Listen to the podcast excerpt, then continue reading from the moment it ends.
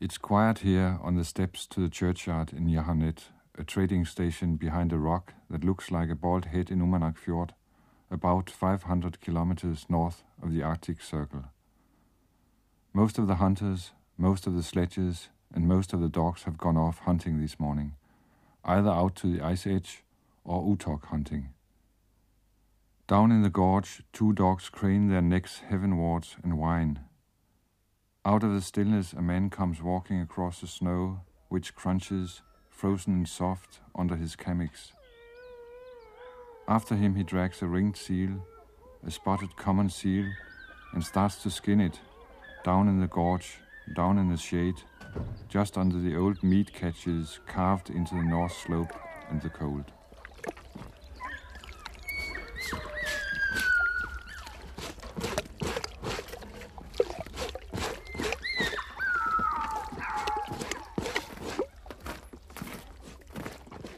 Blubber wobbles and flops as he skins a seal. Two loose sledge dogs that have just popped fight over the blood spots in the snow. Four puppies howl and whine as they are lifted by their scruffs out of their wooden box and over to a tin bowl full of raw seal intestines. They whine again when they are chucked back into the box, red with blood around their noses after the food.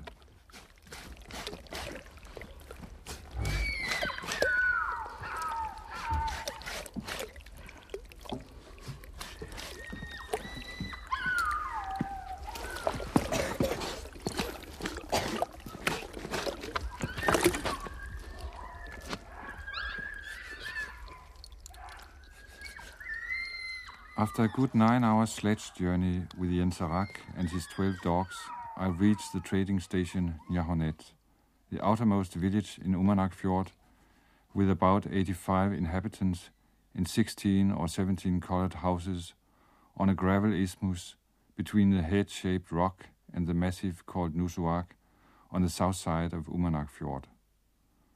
There are no water mains, no electricity, no sewers. The village is one big kitchen midden, surrounded by the white fjord ice and the big grayish red massifs. In the quiet spring sunshine, the village stinks of dog's piss and dried fish. The winter's dog's turds emerge like anemones, along with green beer cans as the snow melts. Big yellowish heaps, mixtures of black faces and yellow recycled toilet paper emerge after the winter's emptying of latrine barrels.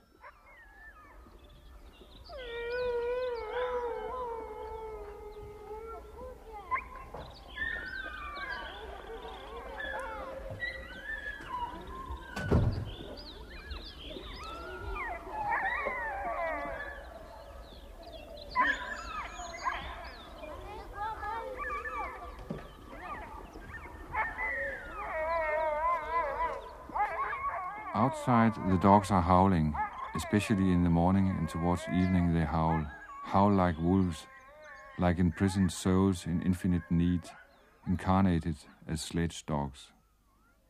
It is a concert of howls about intolerable torments that swells and disappears into the silence while the snow melts and the spring comes and whale hunting on the ice edge begins. In the fjord, the icebergs themselves are still icebound. The ice is still more than a meter thick. Here, the granite and the ice seem equally eternal, equally vitally eternal, but with a slower life rhythm, as if the granite only drew breath once in a century, perhaps ten times in a million. This landscape cannot be conquered, cannot be taken possession of, can only be treated with the utmost composure with wide awake slowness. You don't wait impatiently here. You don't wait patiently either. You move peacefully with time until the animals you want to hunt make their appearance, until the seal raises its head, until the whale comes snorting along close to the edge of the ice, or until the animals don't come and there's no hunting. We are approaching the end of May and the fjord ice still hasn't broken up. The fjord is a big white sea of light, full of icebergs that aren't afloat yet. a sledge track leads toward the east to Kasut and from there to Umanak. Another sledge track leads westward out towards the ice edge.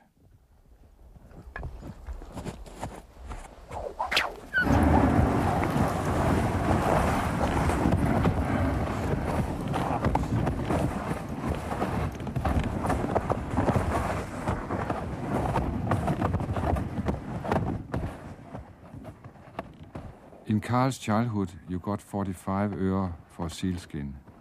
You could live on that. Today, sealskin prices are so low, it's just not worth it. Six dollars for a skin. It's ridiculous when you think of the work it has taken. First, the blubber has to be cut away from the skin, then, it has to be scraped, washed, stretched, washed again, dried, washed again, and stretched. Only after all this can you sell it to the Greenland Trade Department. Må, må 60-70 granim nummer 3. Selv man, øh, hvis det så er, hvis det så er, hvis gudsåret er for stort, så bliver det vurderet til tredje, tredje, tredje klasse skin, og så får man det der 65 kroner for alt det nu lejligt. If the shot hole is too big, the skin is classified as third grade, and you only get six dollars for all your trouble. Carl is 56 years old and has been a hunter all his life, just like his father and grandfather and their fathers. He has three sons himself, but the two eldest will never be hunters, he says. The influence of their surroundings has been too strong. But he still hopes that his youngest son will become a hunter, but he's only 10 years old. He doesn't know how things will work out. He has heard about some French actress or other who has started a campaign against hunting baby seals. He has heard that she has written a book in which she compares baby seals with orphaned children. Of course, what she is talking about is the killing of baby seals by Canadian hunters. But then she is a European, and we are Greenlanders. Of the na min ro na da ga min. Ina ina nang ikalo to ko ti not top. Sådan er det jo med mange mennesker, når de øh, kommer til pengekassen, så glemmer de alt om deres baggrund og deres medmennesker også. We don't hunt baby seals. But maybe her countrymen believe her so much that they can't understand our views. After all, she earns money as an actress. Perhaps that's why she doesn't care about other people.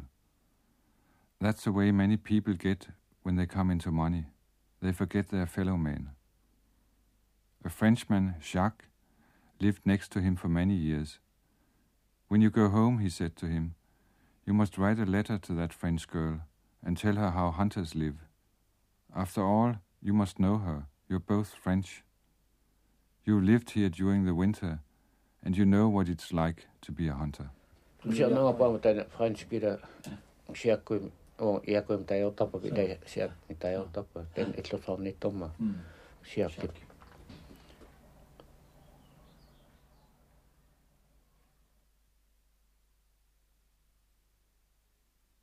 Today, the weather is strangely misty, sunny with a high cloud ceiling out over the fjord ice and powder snow. The clouds bulge white in over the coastal mountains, drag themselves over the meltwater rivulets, and get caught around the peaks. I've gone hunting on the ice with Jenserak. Jenserak means little Jens. The Rak part after Jens means little. He has invited me to go utok hunting with him, that is, hunting the seal as it sleeps beside its breathing hole on the ice. After driving by sledge for about an hour due northwest, he catches sight of his first seal, a small, slightly restless black dot far away in the misty whiteness. I'm to wait by the sledge, he signs to me. He only speaks Greenlandic, and we speak together by pointing, nodding, or imitating sounds.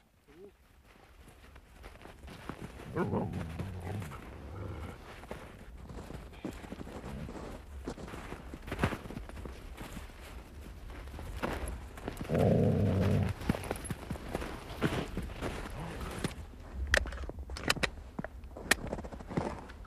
While he is strapping the white shooting sail onto his rifle, the dogs have lain down on the ice with their tongues hanging out, their breath throbbing.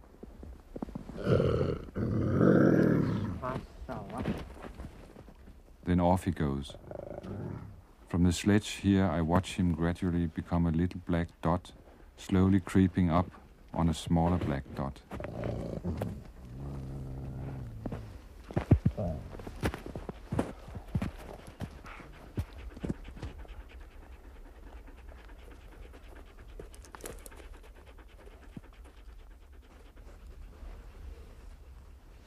Great silence, one of the dogs jumps up, growling, or they just lie there, whining with longing for their master.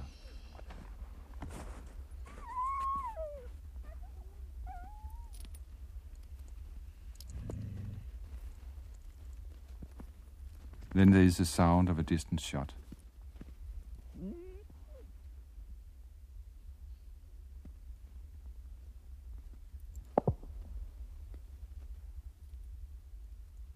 Little later he comes back without a seal.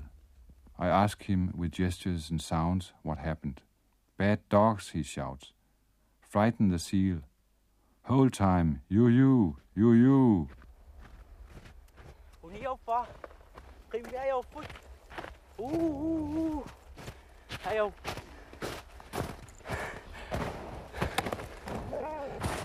Mm. We drive on, stop, drive on again, until once more he catches sight of a seal, yet another black dot out there in the ice whiteness, this time not as restless as the previous one. For a long time I can watch him creeping up on the sleeping seal. Then there is the sound of the distant shot, and again I see the seal slip down into the breathing hole, while Jens Jenserak runs, almost sprints over in his smooth kamiks, flings himself down and thrusts his arm far down into the hole. Then he drags the seal up on the ice and waves to me with his arms. At last. Hun er klar. Hun er en. Over at the breathing hole, he shows me where he hit it, in the neck. He points at the shot hole. Oh, He points at the breathing hole. It was lying down there and was dead. Meanwhile, he is pressing blood out of the shot hole and can't help giggling like a little boy when the seal makes sounds like farts.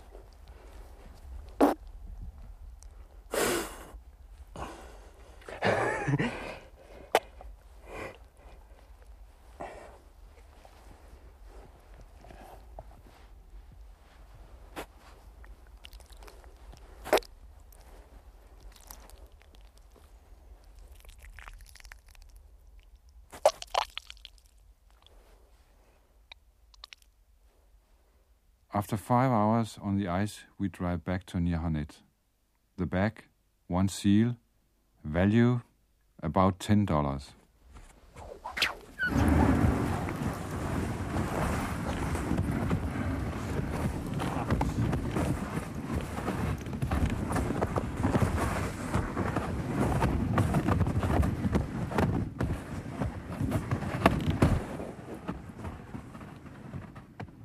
Hunter can never give up, says Carl.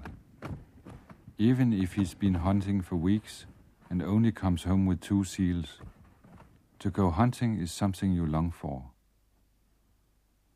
During periods when all his hunting is in vain, his father usually says to him, Try to get yourself a fixed job. But he doesn't want to. He's a hunter. And his father brought him up to be one, after all. Of course, it's hard to stand out by the ice edge, longing to shoot a seal, so that you can come back home to your family. It's not easy either to come home and tell the children you haven't managed to shoot anything. Children are demanding, and they can't understand why they can't have the same things as their friends whose fathers have fixed jobs. Especially since the prices for sealskin have slumped on the European market, it has become quite hopeless, and it also affects the desire to treat the skins properly. Det er der man range jo på to tre. Det er jo også det moralske i det, at øh, mange øh, fangerkoner, som, øh, som er dem, der bearbejder skinnene, øh, har sagt, øh, nu har vi, nu har vi brugt, øh, lagt så og så meget øh, øh, anstrengelse i, i, vores, øh, i vores behandling af skinnen. Øh, alligevel bliver det vurderet til tredje, anden eller tredje klasses.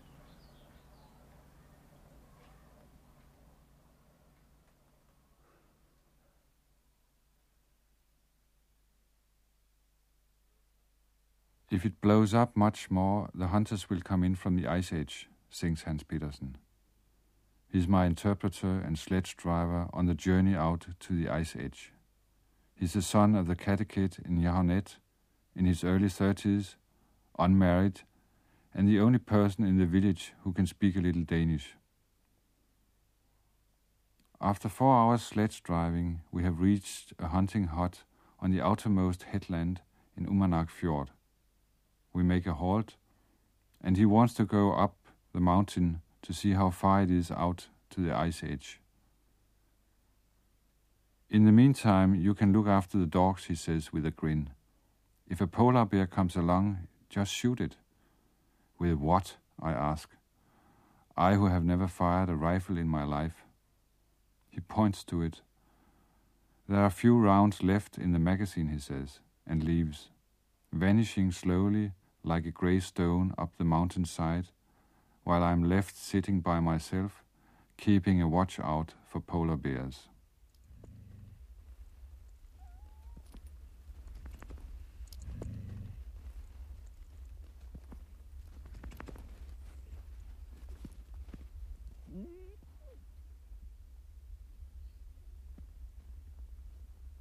The hunter's hut looks like a tool shed that was once a color of red oxide but the paint has been flaking off, and the board's walls are grey.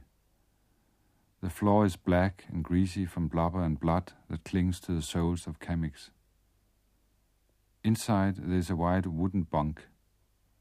I dare say about ten can sleep on it, says Hans, if they lie just as close as when you make love.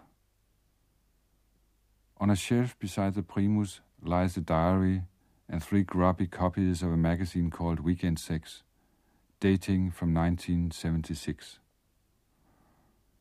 Outside, in the fjord ice, the icebergs lie closer together and resemble fantastic, almost hallucinatory dream shapes given substance in ice, an ice that radiates Arctic green or blue from within, like the water in a swimming pool, according to the direction of the sunlight. The ice edge isn't far out, says Hans when he comes down from the mountain. He points out into the distance where a misty grey cloud ceiling lies over a black line. Can you see that stripe out there? he asks. It's the sea. It's completely black and smooth, he continues. It looks good. He lights the primus and melts snow for tea. We're not going to drive yet. He has seen a couple of dog sledges on their way in from far out there. We are going to wait and talk to them when they reach the hunter's hut, he says. The time is nine o'clock in the evening, and the sun is still high in the sky out to the northwest.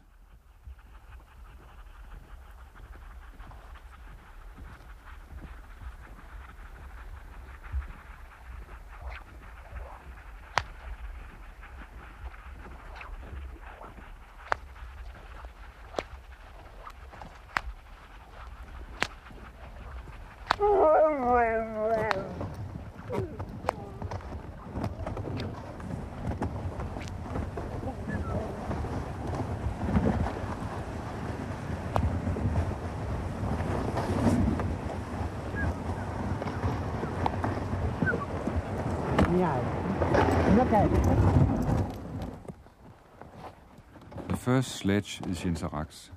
His whip cracks over the dogs as he approaches, sitting high up on the sledge on a reindeer skin spread over a mountain of whale meat. Then he whistles to the dogs to stop. They've got a whale, says Hans. While he is unhitching the dogs, Jensarax tells us The whales came from the south this morning. There was a school of about seven that came up along the ice edge. It was the last one they shot.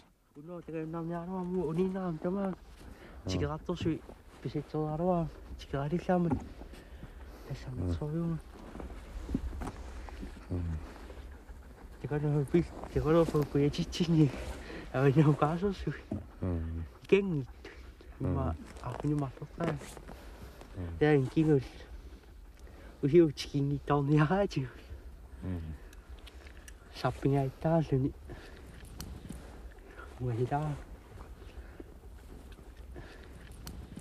We hit it in the rear and it dived.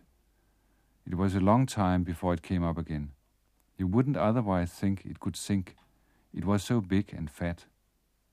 Johannes rowed out and harpooned it. I'm boiling water, says Hans. Then I'll come, answers Jenserak. Was it blowing much out there? There was hardly any wind at all, answers Jenserak.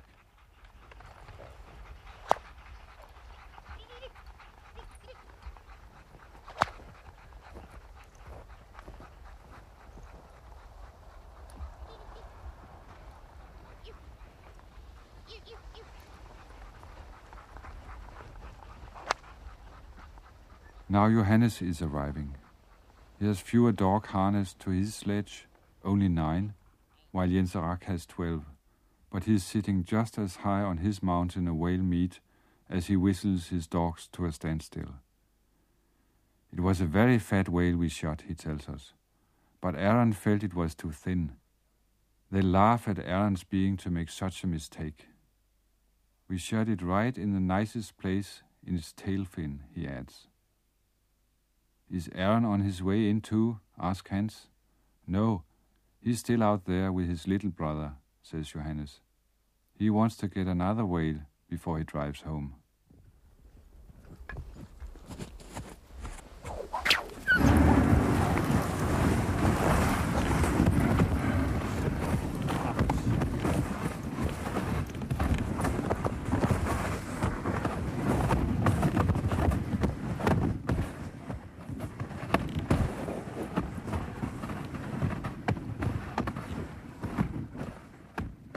In the winter of 1967, the ice took a long time coming, Carl remembers. It didn't settle until around the 18th of December, and on the 3rd of January, he set off for the islands to the north with his two brothers, Jakob and Akalut. When they had put out their seal nets, his brother realized they had forgotten their long lines and shark ropes, and they told him they would drive home and fetch them and be back a few days later. In the meantime, Carl waited on the islands with his dogs, and the wind began to rise. During the next days, it blew up to a gale, and the ice began to break up. He continued to wait for his brothers, but as they didn't come, he decided to try and save their seal nets, which he hauled in. Then he began to drive north towards the Svartenhuk mainland. He drove for many hours, and in time his sledge was almost running under water that washed in over the ice from the open sea.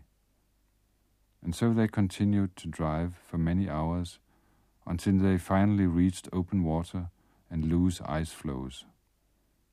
Naturally, he had brought his kayak along. He would never dream of going out hunting without his kayak. And when he reached the open water, which he couldn't cross on the sledge, he whistled his dogs to a standstill and fixed their traces so that they could move freely and swim between the ice floes. He himself crawled into his kayak and took his sledge on tow. The sledge skins and everything that wasn't to get wet went on his back. Then he gave his leading dog a signal, and it jumped into the water while he himself started paddling. He reached the mainland by paddling from ice floe to ice floe, and it was such a nice feeling to get ashore, just like coming home to his own house. No people live on the mainland of Svartenhuk, and he realized that if he wanted to save his dogs, and he did, then he'd have to stay until the ice settled again. Og dagen gik, måned efter måned gik, og hans, han bestemte, at hans daglige ration af, af provianten, som både er hans og sine brødre, bestod i, i en skibskiks og en kop, øh, en kop varm vand. Han havde hverken kaffe eller te mere. Det, det drak han, og det spiste han. Many days passed, and it was a long time to wait. After a few days, his provisions began to run out, and he decided his daily ration was to be a ship's biscuit and a cup of hot water. Thanks to his long lines, he caught fresh fish, which he and the dogs ate raw, as he had no paraffin for cooking food.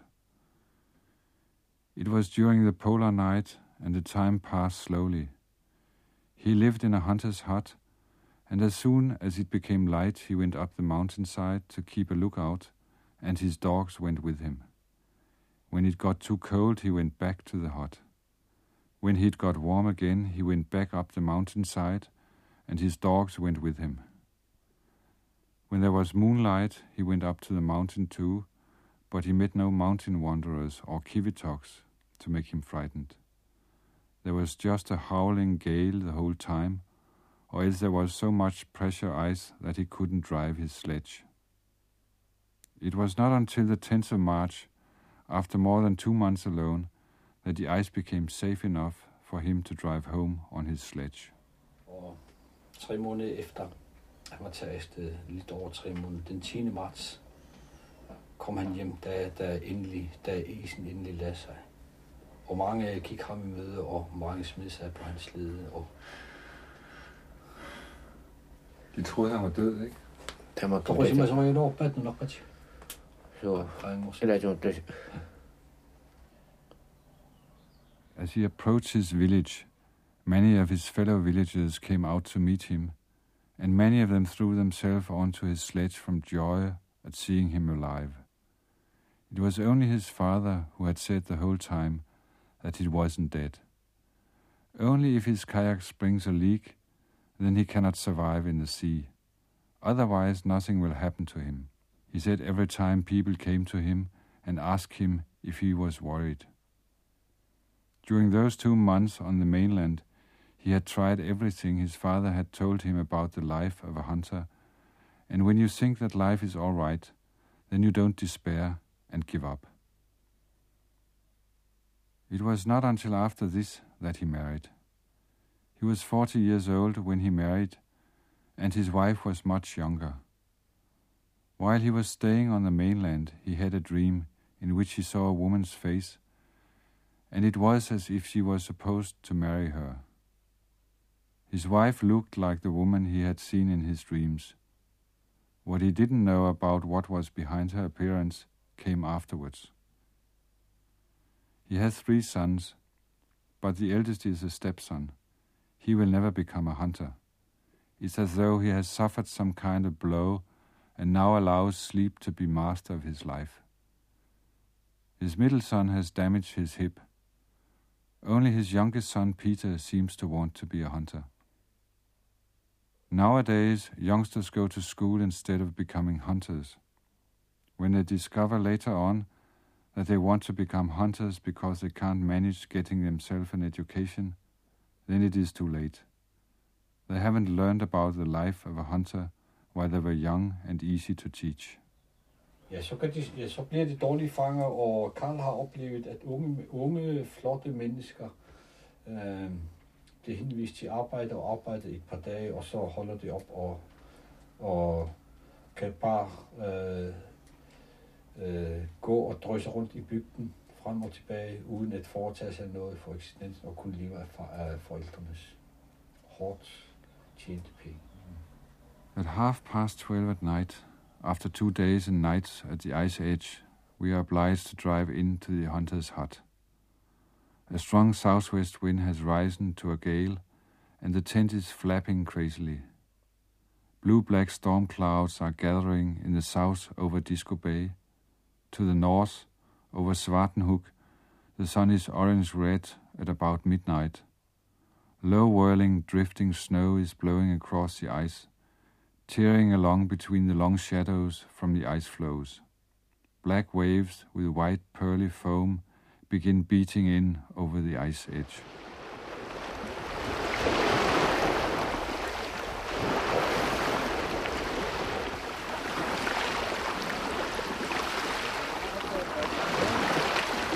Bunch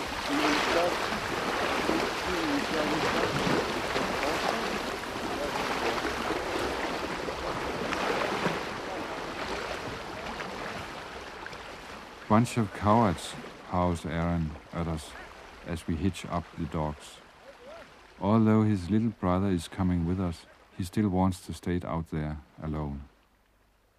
As we leave the ice edge, I look back. Aaron has begun to take his tent down and hitch up his dogs. Like a little black dot, he follows us during the next hours as we, with the wind in our backs, drive in towards the mainland in the biting cold, between icebergs that assume ominous shapes in the orange red stormlight. A half melted huge ice sphinx whirls threateningly out in the distant grey stripe of sea. Around us are icebergs with finely sizzled teeth like organ pipes, lions with manes like women's breasts, and in the shadows, shining blue crystal walls, splinters from the Ice Queen's palace. It is not good to be alone out here, says Aaron with a grin, when we finally get to the hunter's hut, where we spend the night, thirteen hunters and me, huddled up on the bunk. The next morning the storm has abated, and we drive out there again. There's no stopping Aaron. He wants more whale, and so far we have waited in vain for two days. Two days ago, the first night, the white whales came up along the ice edge, blowing jets of water out of the hole in their forehead, while their grey white backs undulated up and down like stiff swells between the choppy waves.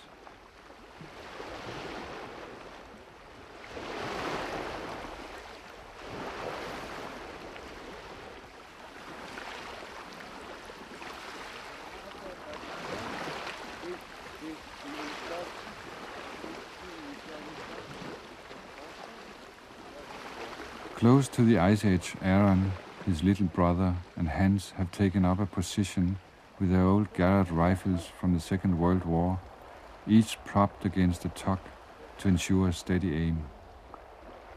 Then the whale came puffing, its back curving white in the black water, while Aaron shouted to the other hunters further down along the ice edge.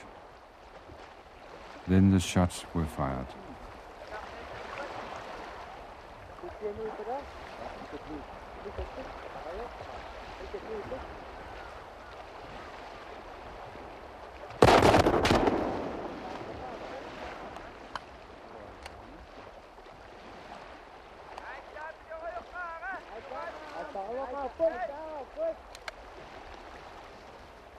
We hit it, shouts Hans. The whale appeared to slash its tail fin and then sank. It'll come up in a moment, thinks Aaron, who is ready with his harpoon. One of the shots hit the water, claims Hans. They continue discussing where they hit it while waiting for it to come up again. It behaved strangely, says Hans. It looked as if all of a sudden its tail fin was in front of it.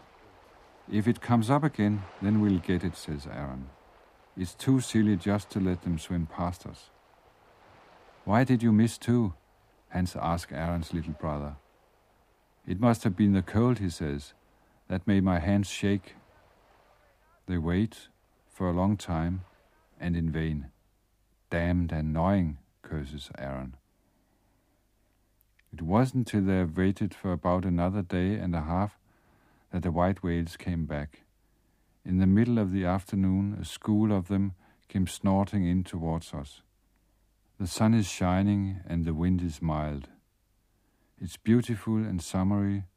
The water laps quietly as on a shore of ice and snow. Aaron and Hans and Aaron's little brother are standing out on an ice point.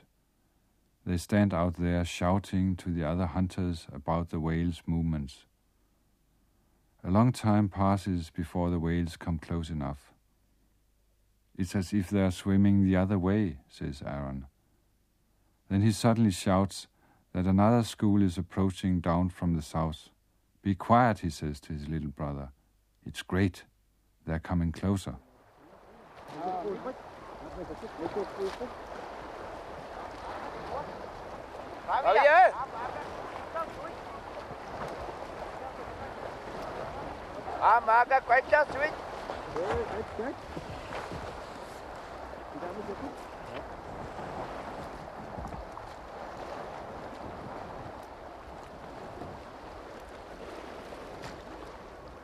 No, says Hans a little later.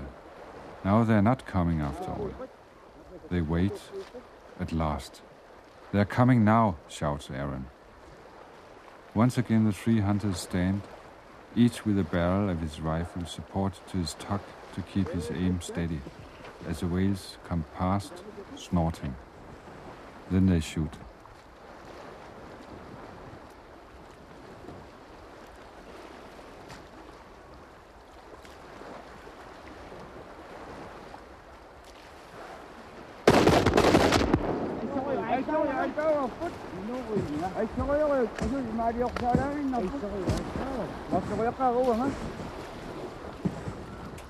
We hit it, shouts Aaron again as the whale sinks into the sea and disappears.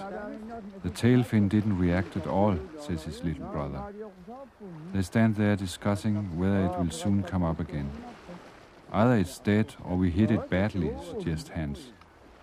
You have to hit a bone, says Aaron. Otherwise it won't come up again. Perhaps it's dead, they say. Then it will come up again in a few hours, the leftovers from the sharks. It's just the same as with the whale we shot at yesterday, says Aaron. Then suddenly they catch sight of a whale far out at sea. That must be the one we shot at, says Hans. That's annoying, says Aaron's little brother. Damned whale, curses Aaron. Looks where it's swimming off to out there. In the evening, towards midnight, the wind rises to a strong gale, and we are obliged to drive in to the hunter's hut.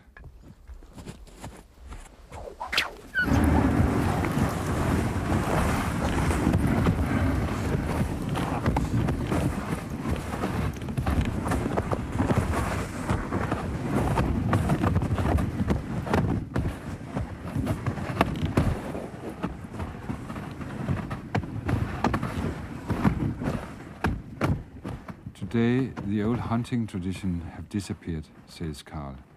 Today, there aren't many of the youngsters that can sail a kayak.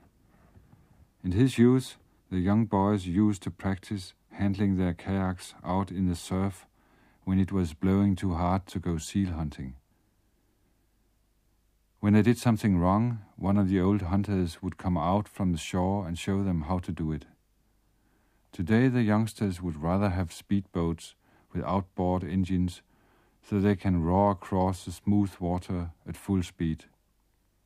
At the same time, they frighten the seals further and further away from the old hunting grounds near the village. Så når man benytter mig om sivetera, man kan da hitte tamakunang. Selvfølgelig, og selv fangstyr har jo også øren. Jo, det er med sivetera. Arsenat er mig idikkappa, men arsenat idikkappa. After all, even these animals we hunt have ears, and there are two kinds of engines. There is a diesel engine whose exhaust goes up into the air, and then there is the outboard motor whose exhaust passes through the propeller below the waterline. Now it so happens that sound travels faster in water than in the air. He has experienced this in his kayak, which is covered with sealskin. He has been sitting in his kayak and heard a sound sweep past under the kayak skin, but not heard the crack from an iceberg breaking up until some time later. He has a theory about why the youngsters today are the way they are.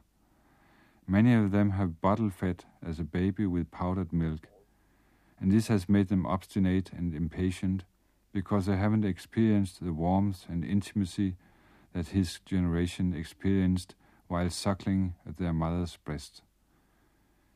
It's not only in his village strong arm methods are gaining popularity, it's all over Greenland. But a hunter cannot let himself be dominated by his impatience or by his need for sleep. It is not sharp food that should determine what a hunter does either, but many of the young men turn back home when they are running out of sharp food, when they haven't got any more Nescoffee or Meduva tea, or sugar or biscuits. Or they turn home because the weather's getting bad. Maybe it turned out nice hunting weather the next day, but by then they are far away from the hunting grounds. Der er ikke de kulinariske efter butiksmad, der skal bestemme en fanger. Der mange yngre fanger, der er på fangstpladserne, når de er på fangstture.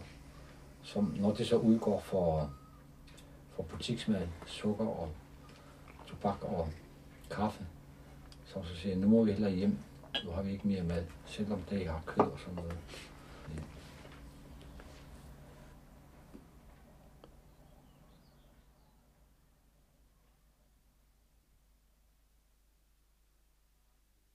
After five days at the ice edge, we are still waiting for white whales.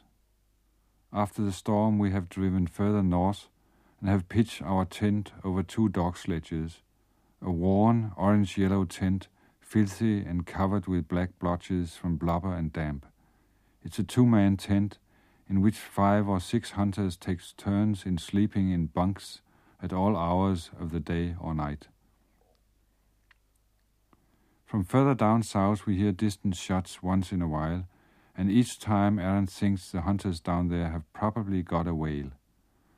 Of all the hunters, he's the one that stays most awake, and he shushes the rest of us when he thinks he can hear the whales blowing out at sea. We pitch camp in a bad place. To the north, a large piece of the ice edge has torn loose during the storm and is now drifting slowly down towards us and will soon close us off from the open sea. We've been waiting here for two days and nights now, because the hunting grounds further south are occupied by other hunters, and Aaron is the only one of us that hasn't given up hope yet. Meanwhile, the days have passed in the most beautiful silence I have ever experienced. At midnight, the sun is in the north in a golden frost mist. The sea is as calm as a mill pond and as smooth as a mirror. The fulmars dive in sharp turns around their wingtips and almost meet their own flying reflections in the dead calm sea. Huge icebergs come drifting slowly down from the north like high rise blocks that have toppled over. When the hunters aren't sleeping, they sit on Aaron's sledge right out by the ice edge and wait and boil water for tea and chat. They are waiting for whale, and they don't shoot at the seals that stick their heads out of the water and look at us. Perhaps they whistle for fun to entice the seals to come closer, but they don't shoot. They don't want to frighten the whales.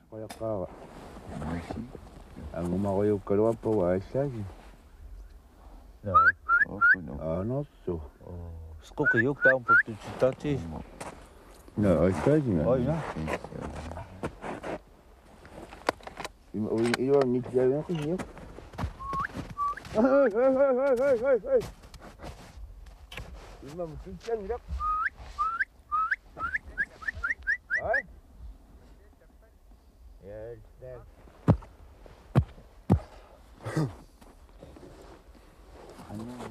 We wait, listen out to the sea, spit. Alan tells us about the time he and Hans were attacked by one of the red walruses. At first, they couldn't understand what it was. It sounded just like an old propeller driven aircraft. But all of a sudden, it was halfway into their boat and almost capsizing it. Hans shot it at least five times, but it was as if the walrus didn't want to die. It was really a very aggressive walrus.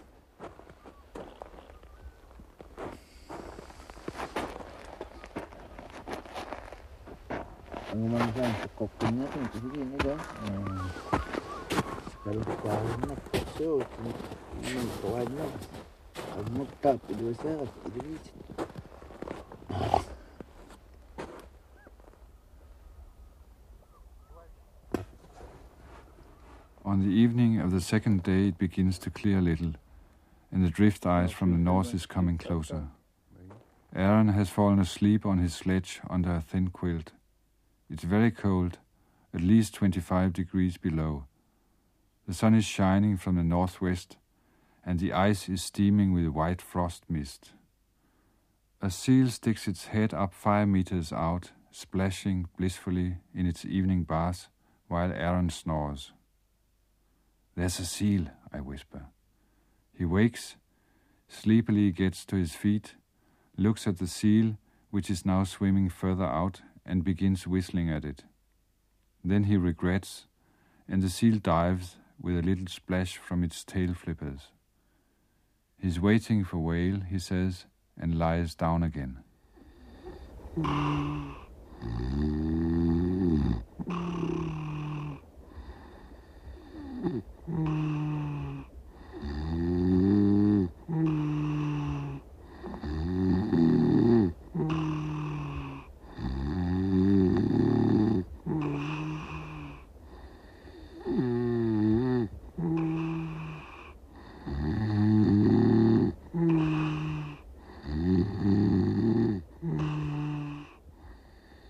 We have been waiting for days and nights, but no whales have come, and the drift ice is beginning to close us off from the open sea.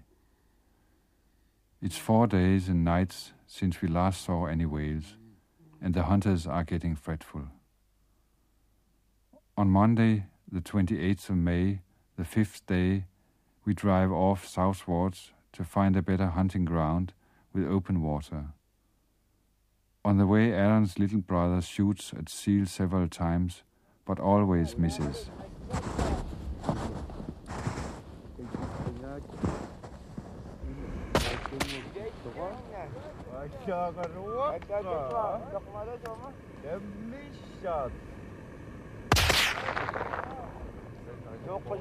There must be something wrong with that telescopic sight, he says. He keeps on hitting the water just in front of the seal's head or to one side.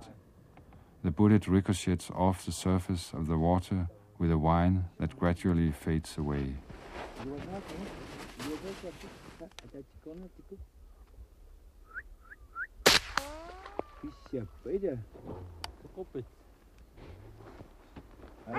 Damn, he curses. It's impossible to hit anything with this rifle. Yet again he shoots at a seal. The others whistle or scrape the ice with a tuck to lure the seal within range.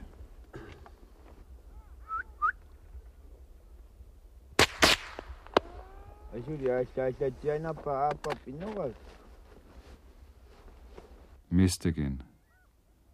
Their frustration increases. The long period of waiting makes them restless. Jinsarak starts trying to catch fulmars with a fishing line to one end of which he has tied a whalebone. Hiding behind some ice packs, he imitates the hoarse shrieks of the fulmar.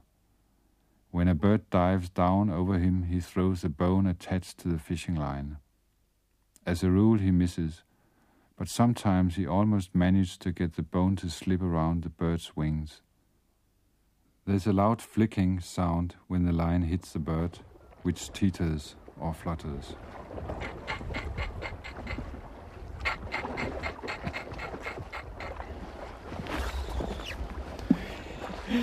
Hey!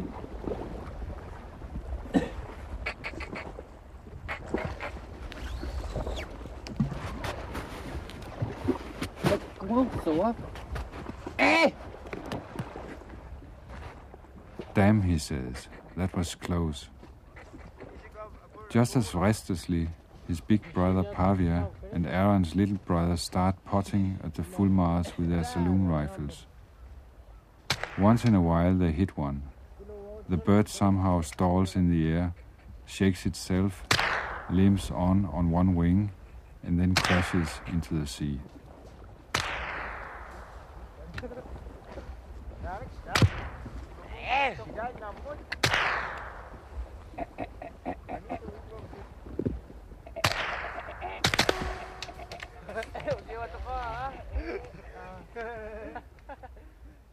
Further south, they have shot a whale.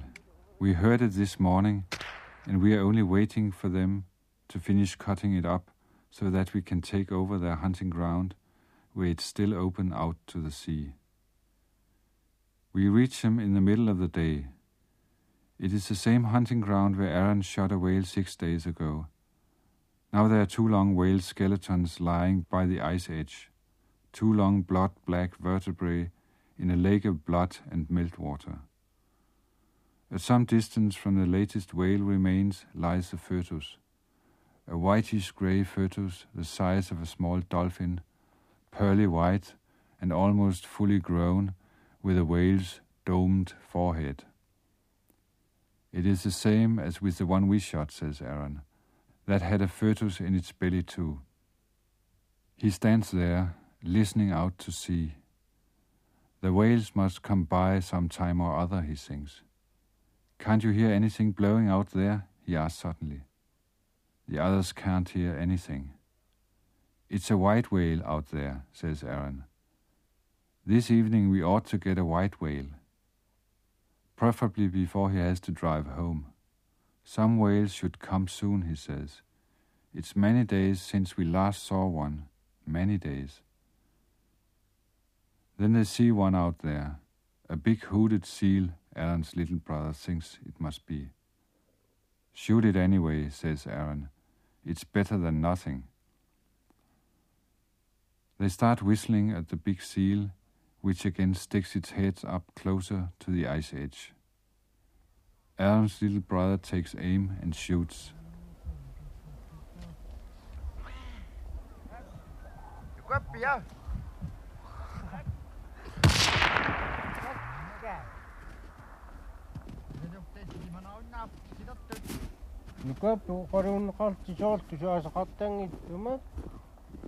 This time he hits it. At all events, the seal rolls on to its side and quietly floats.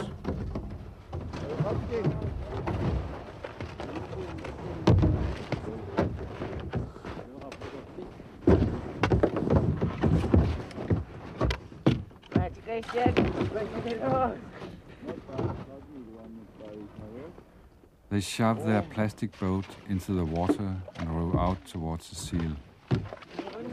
None of the hunters has brought his kayak with him. On the other hand, several of them have small plastic boats that look like broad, flat bathtubs or very small rubber dinghies. They are easy to transport on a dog sledge, but capsize very easily.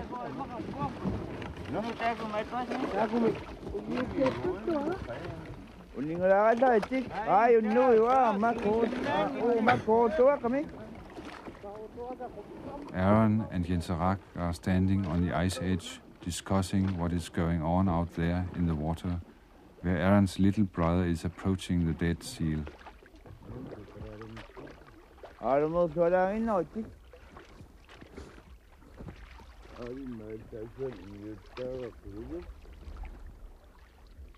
Is that seal really dead? says Aaron. It seems to be moving, says Jenserak.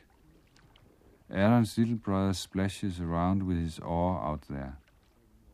Can't you just grab it by its flippers? shouts Aaron. It's unconscious. It looks almost as if he's fighting that seal, says Jenserak. Astonished, he adds, Why hell, now he's stabbing it in the head with a knife. I think he's afraid of it. Finally, Aaron's little brother comes in with the seal. He stabbed it in the head with his knife, says Aaron, wonderingly. Couldn't you have grabbed it by the beard instead? asks Jenserak. The seal is lying on the ice. The big hooded seal has changed into a small spotted seal, a ringed seal.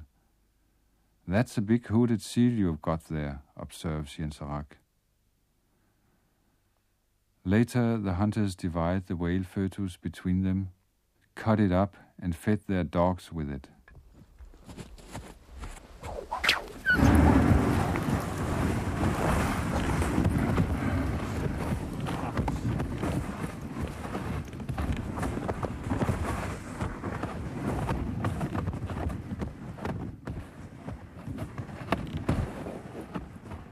That night, just after midnight, Hans and I drive into Niaqornat together with Aaron.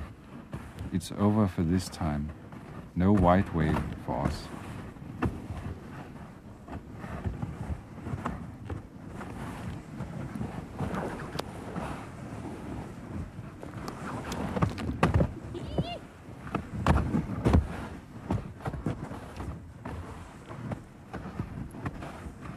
There are many experiences which Carl would like to pass on to his children, but it's as if the youngsters just don't listen. When he tries to tell his steps on something, his wife says, Don't you listen to him, he is not your real father. He remembers a time when he was out hunting with his father when he was six years old. When his father has shot a seal, he used to say, Now I'll make you some food, find some flat stones. Then his father would make a fire with dry driftwood, and over the fire he would lay the flat stones, and on the top of the stones he would lay slices of the seal's kidneys, of the liver, of the meat, and of the blubber. He has never tasted such delicious food as the food his father cooked for him. These are the sort of experiences he would like to pass on to his own sons, but it's difficult with young people today. His hope is that his youngest son, Peter, will become a hunter one day, just like himself, but there's no knowing. Peter is only ten years old.